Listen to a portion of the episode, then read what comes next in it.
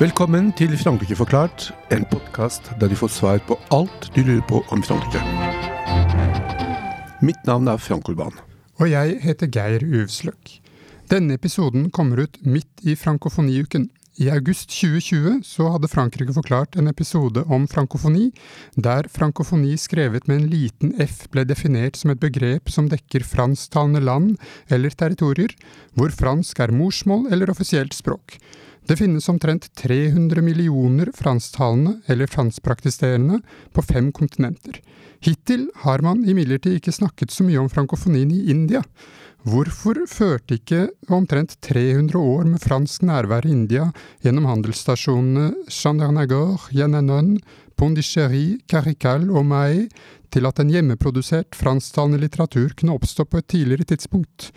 Eh, hvor omfattende er denne litteraturen i dag? Hva skiller frankofon indisk litteratur fra annen fransktalende litteratur?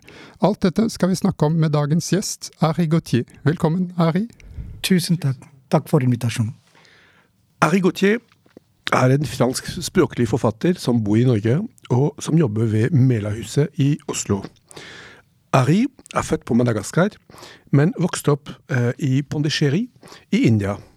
Og denne tidligere franske handelsstasjonen, kall det på fransk commercial, eh, som ble forent med India i 1954, spiller en sentral rolle i forfatterskapet hans. Han har gitt ut to romaner, 'Carnet secret de Larchmi, og 'Le Tinai' hos forlaget Le Lys, Le Lys Bleu, og en novellesamling, 'Nocturne Pondichéry', hos forlaget L'Armatin. Med disse bøkene skriver han seg inn i en viktig tradisjon i fransk språklig litteratur, nemlig den ikke-kreolske litteraturen. Ari, eh, du er eh, som nevnt forfatter selv, og Pondichéry, der du vokste opp, har en sentral plass i forfatterskapet ditt. Eh, det er kanskje ikke et veldig kjent sted for mange norske lyttere, så kan du fortelle litt om Pondichéry, og eventuelt også de andre franske handelsstasjonene, og om deres historie? Ja, og um, som du sier, Pondichéry er en kysteby i Bengels uh, Bengalbukta i delstaten Tamil Nadu. Portugisene ankom i 1521, etterfulgt av nederlandene og dansken, dansker i 1624. Det franske styret startet på 1600-tallet etter at Bélanger, som var en fransk offiser, bosatt i uh, Danish Lodge, som var en del av Pondichéry. Uh, Eskerne i Jinji inviterte franskmennene til å sette opp uh, i regionen. Uh, Francois Martin var den første guvernør i Pondichéry i 1674. Med hans innsats styrket region, regionen seg og bidro til at den vokste til et handelssenter. Pondicherry Pondichéry ble okkupert flere ganger av Nederlandene i 1693, men etter at Nederland og Frankrike kom til enighet, kom Pondichéry under fransk innflytelse i 1699. Uh, det var en rekke konflikter mellom franskmennene og engelskmennene flere ganger. Britene okkuperte uh, Pondicherry i 1660 og den britiske hæren ødela uh, hele byen. Med alt som inneholder byen. Arkivmaterial og huset og alt. Uh, en fredsavtale ble deretter undertegnet mellom engelskmennene og franskmennene i 1765, og Pondicherry ble gitt tilbake til franskmennene. Og franskmennene fikk den øverste makten uh, over regionen i 1816, som varte til 1954, etter at Pondicherry ble en unionsterritorium. Men det tok uh, åtte år, fra 54 til 62, av forhandling for franskmennene å forlate regionen. Ja, og Så de ble der selv etter at Pondichéry ble en del av India? Ja. Ja. ja. Noen, noen spørsmål eh, for eh, lytterne, uh, Ari. For det første, det franske India. så Det er mange betegnelser. Av, en av de betegnelsene er jo det franske India.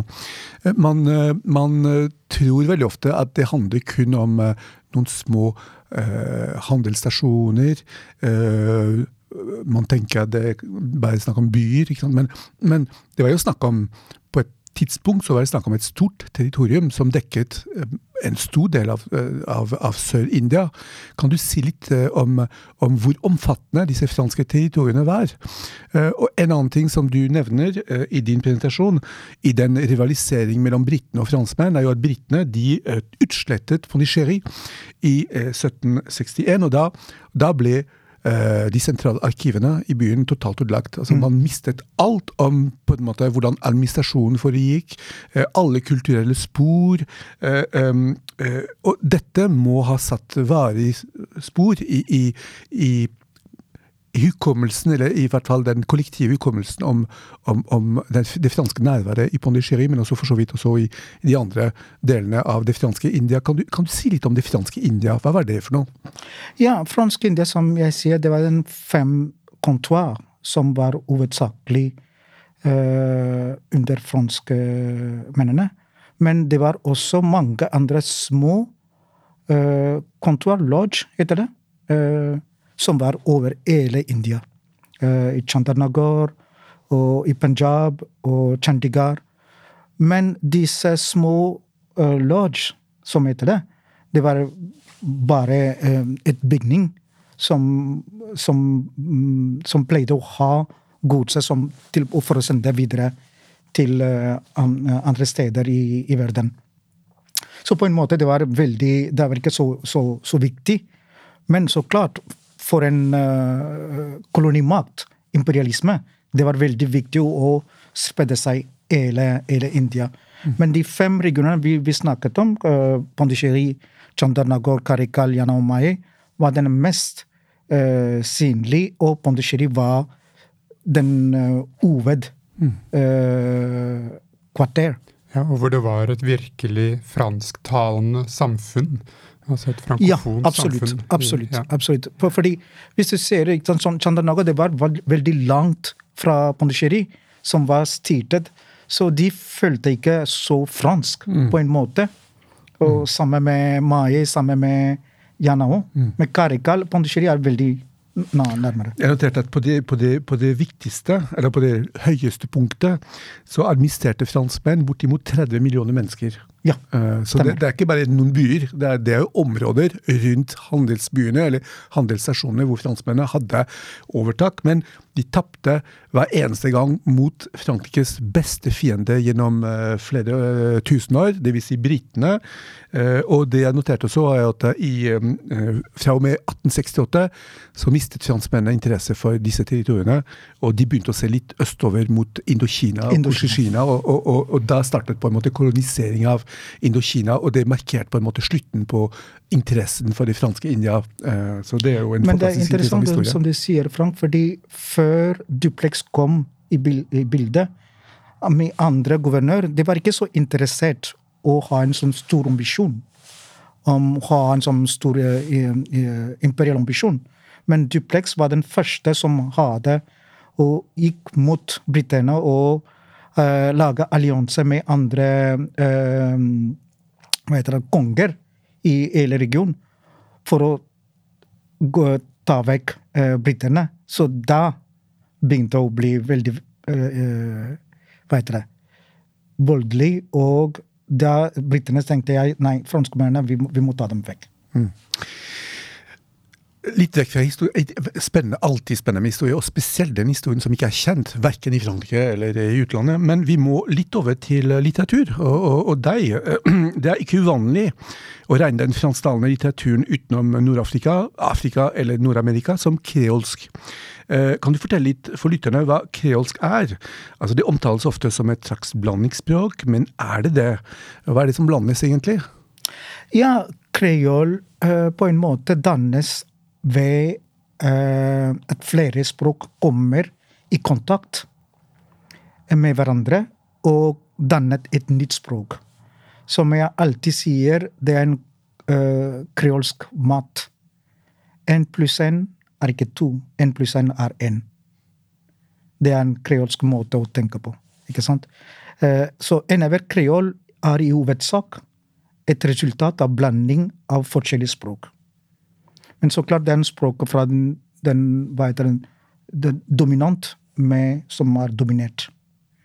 Det finnes flere kreoler, men de er alle blandingsspråk som ble dannet på 1500-tallet til 1500-1600-tallet og videre, som et resultat av slavehandel. Uh, andre, og organisert av dagtidens kolonimakter. Mm. Særlig uh, Storbritannia, Frankrike, Portugal, Spania, Nederland og senere USA også. Og innenfor litteraturen så er jo dette med kreolsk fått en litt egenbetydning også.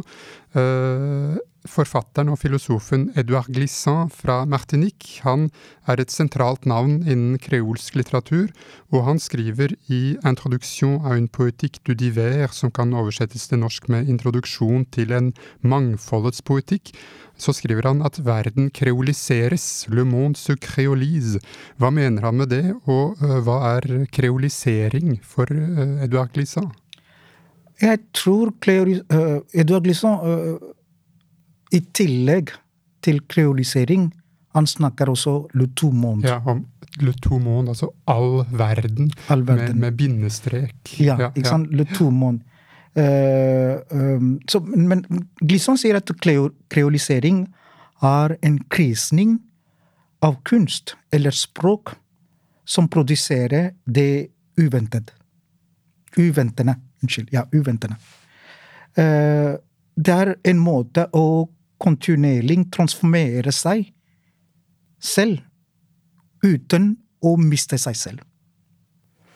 Eh, det er en måte eh, Det er, eh, det er et rom der kulturkollisjon, kollisjoner, disharmoni, uorden og forstyrrelse blir det kreative.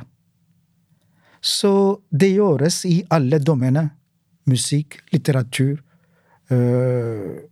matlaging. Matlaging, kreolsk mat, alle vet hvordan de smaker, ikke sant? Og det skjer fort. Kreolisering er ikke utvanning. Det er ikke et tap, det skaper noe nytt.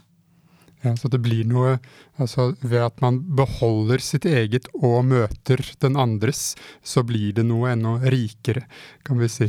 Ja, ja. absolutt. Um, Altså, in, Hvis vi er enige om at kreol, altså kreol er jo eller kreolsk er et av kolonialisme, og India, eller nærmere sagt eh, bitte små deler av India, ble også kolonisert av uh, franskmenn uh, i bortimot 300 år, som du påpekte. Uh, I hvilken grad vil du si at den fransktalende kultur og litteratur i India er kreolsk, eller bare preg av kreolsk? Eh, jeg har sett i det du skriver, at du bruker, eller siterer i hvert fall, begrepet 'kultur land', altså Indias kreolske kulturer. Eh, hva, hvordan skal dette forstås? Eh, for å være ærlig, jeg jobber ikke med hele, hele India. Fordi det er, det er altfor stor, ikke sant. Men jeg fokuserer kun på Pondicherry, som jeg kjenner mest, fordi jeg kommer derfra. Og så jeg allerede skrevet uh, i min bok, den andre boka, 'Lutinei', om de folk som heter kreol i Pondicherry. Som er en blanding av europeere, fra forskjellige typer europeere. Fra portugisere, uh, danskere, nederlandere, uh, irish, uh, british og franskmennene. og inder. Så de er en, et, et par folk som heter kreol i Pondicherry, som snakker kreol. Men det er bare muntlig kreol. Det er ikke skriftlig. Så det er veldig interessant. Så derfor den, den minnet av disse kreolfolk Det er ingen som vet. Det er ingen som har skrevet om dem. Så for meg det var veldig viktig å ta den minnet tilbake. Den litterær uh, i, i, i, min, in, in, min litterær uh, versjon å snakke om hva er å være kreol i India. Mm. Men så klart, som sagt, Da, uh, India er altfor stor, så jeg vil ikke snakke om Goa eller Kerala, men jeg snakker kun om Pondicherry. Du sier jo at uh, det er ikke en veldig kjent historie, men er det uh, Altså, i India, uh, er, er, denne franske historien kjent der? Kanskje særlig fra, for folk som kommer fra de tidligere handelsstasjonene? Eller er det en del av historien som er visket ut? ja. Um, veldig få, eller svært få, kjenner historien om den franske tilstedeværelsen i India. Den uh, uvittigheten finnes ikke bare blant allmennheten, men også i den akademiske verden. Likevel er det 300 år med arkiver som synker ned i støvet, og som ingen er interessert. Det er også fordi den franske kolonisering i India var et nederlag som Frankrike ikke øh, ønsker å huske. Det militære nederlag øh, mot engelskmennene er en episode som franskmennene foretrakk å glemme. Eh, de vil heller erobre India gjennom et kulturoppdrag som fremgjør det de lokale fra sin egen kultur uten å integrere dem i den franske nasjonalhistorien. Du, du, nevner hvordan Frankrike, eller den akademiske verden i Frankrike prøver å huske eller glemme uh, det, det, det, franske India. Men uh, alle er klar over at det pågår en kjærlighetshistorie mellom India og Frankrike nå om dagen. Uh, hvordan husker India den, den historien? Blir den Vet indiske skolebarn om dette, eller er den også helt fortiet? Altså, er det ingen, Nei, noen ingen, som snakker om det? India er ikke interessert i det hele tatt. Mm. Eh, så klart nå Pondicherry blir en sånn turistmål som er veldig, veldig populær. Alle vil komme og se hva den uh, nostalgi av en fransk uh, koloni.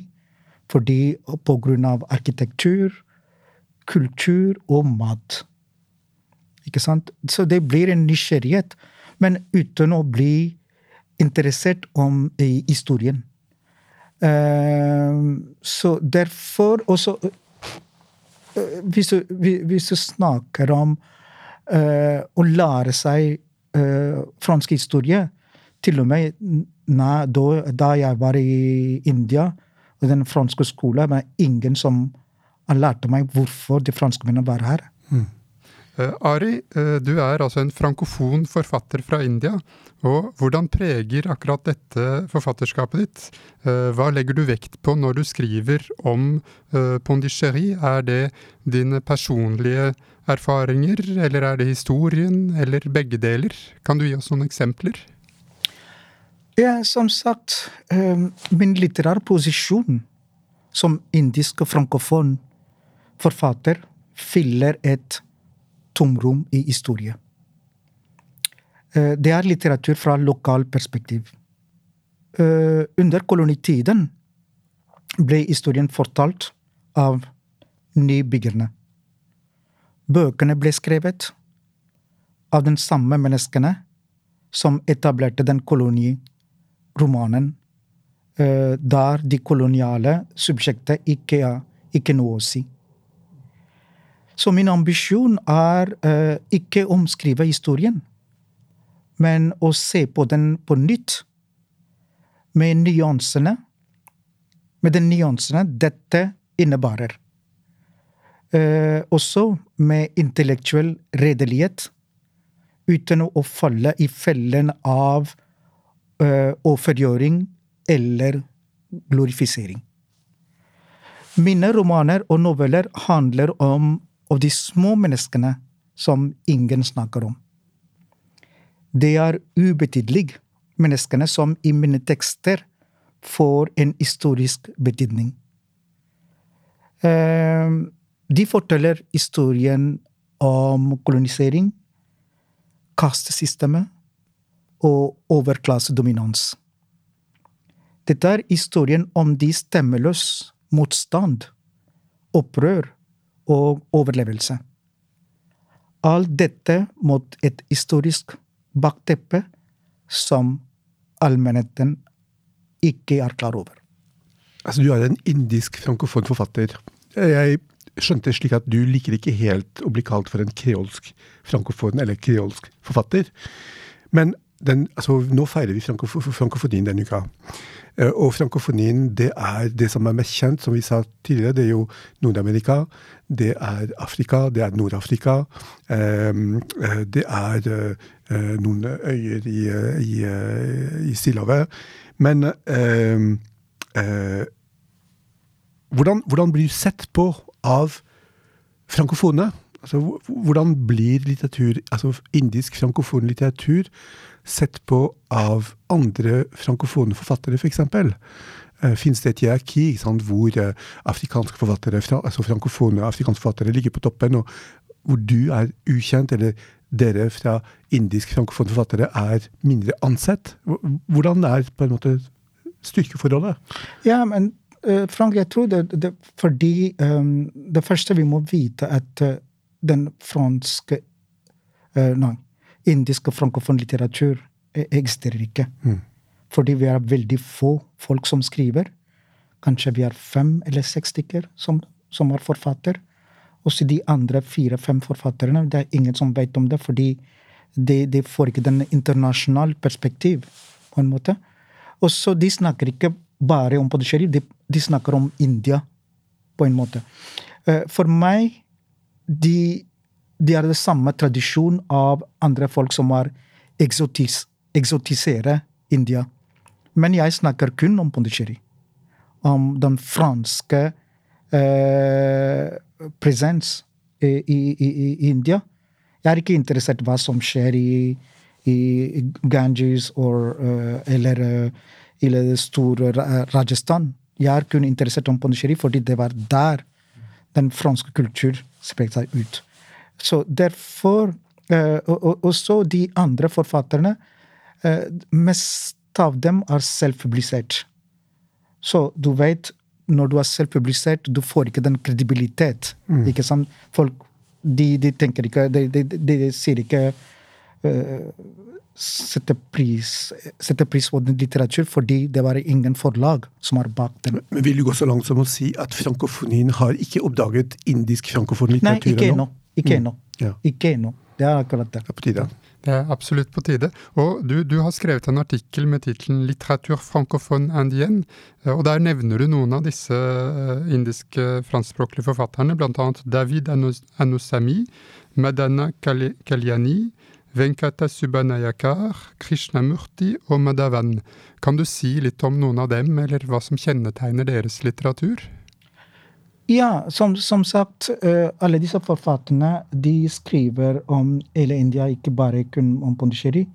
Uh, så der, derfor uh, når, jeg, når, jeg, var um, publisert av Armaton, jeg snakket med dem og så sa at jeg vil ikke bare lukke døren etter meg. Så jeg må bare, bare la den åpen, døren åpen, så jeg kan invitere andre forfattere for å komme inn.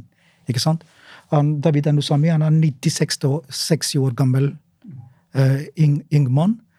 Så uh, jeg skrev til ham at jeg sier at ok, nå vi kan skrive vår egen historie. Og så sa han å, sier du det? Ja. Kan du skrive? Ja, men jeg har allerede skrevet, men som er ikke publisert. Så han sendte meg uh, hele manus. Og så sendte den til uh, Larmaton, og så den boka ble publisert. Så for vi må, er, som jeg sier um, Det er på tid å ta vår egen litteraturskjebne i vår ender.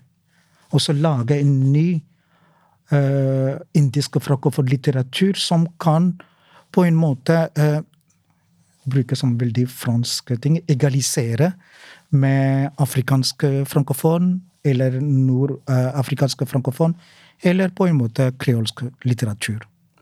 Og Da uh, vil vi her i Frankrike forklart virkelig uh, oppfordre norske franskspråklige lesere til å prøve å finne ut mer om Pondichéry og andre deler av indisk franskspråklig historie, og også altså, lese disse andre forfatterne når de etter hvert forhåpentligvis kommer på uh, Hermetin også, og selvfølgelig lese bøkene til Ari.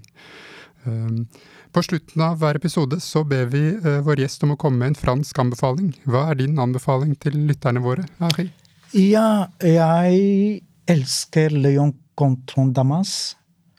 En stor uh, poet. Ja, fra, fra fransk Guyana. Ja, fransk Guyana. Så klart Edouard Glisson. Og Jacques Romain fra Haiti. Det var min første kreolske bok. Jeg var kanskje åtte år gammel. Og så den siste er Jean-Joseph Ribraino fra Madagaskar. Så bra. Og alle disse referansene uh, kommer på Facebook-siden vår. Uh, Frank, har du også en anbefaling? Det har jeg, Geir. Uh, først vil jeg gjerne anbefale epi episoden som vi lagde om frankofonien i august 22, for 2020. For det er jo ikke alle som vet hva frankofonien er. så hadde vi en kronikk i Transittmagasinet forskning.no om samme tema fra august 2020. For det andre anbefaler jeg et verk skrevet av, på fransk av Jacques Weber, ikke skuespilleren, men professor i historie fra uh, Universitetet i Nantes. Uh, og en anerkjent spesialist i, av fransk kolonial historie og India. Han skrev La France et l'Inde des origines à nos jours. Frankrike og India fra begynnelsen frem til i dag. Uh, det er fire bind. og for de som vil vite litt mer om hvordan franskmennene kom til India, hvordan de etablerte seg der, kan man lese de to første bindene. Den ene ser på hvordan franske handelssteder ble ble til, og hvilken rolle bl.a. Øst-India-selskapet, eh, som ble stiftet i 1664 eh, av Colbert, og Indias evige selskapet, som ble grunnlagt av Lowe i 1719, spilte i deres etablering. Og bind to ser på hvilke, i hvilken grad de tre republikkene i Frankrike etter 1870 drev en form for assimilering av uh, lokalbefolkningen, eller av befolkningen som levde på disse handelsstedene. Webers verk gir en velkommen bakgrunn for å skjønne franskmennenes historie i India. Flott, tusen takk. Da gjenstår det bare å takke vår gjest Ari Gautier, så høres vi igjen i neste episode av Frankrike forklart. Au revoir. Frankrike forklart er et samarbeid mellom Universitetet i Oslo og Høgskolen i Østfold. Podkasten er støttet av Det norske universitetssenteret i Paris og Institut Francais i Oslo, og har full redaksjonell frihet. Abonner på Frankrike forklart på iTunes, Spotify eller på andre plattformer der du lytter til podkast. Har du kommentarer til oss eller forslag til temaer vi bør ta opp, kan du sende inn det via vår Facebook-side Frankrike forklart. Alle dagens referanser ligger på denne Facebook-siden og på nettsiden vår. Vi skriver en kronikk i forbindelse med hver episode som belyser dagens tema fra en litt annen vinkel. Kronikken finner dere på forskning.no, Transitmagasin og på nettsiden vår.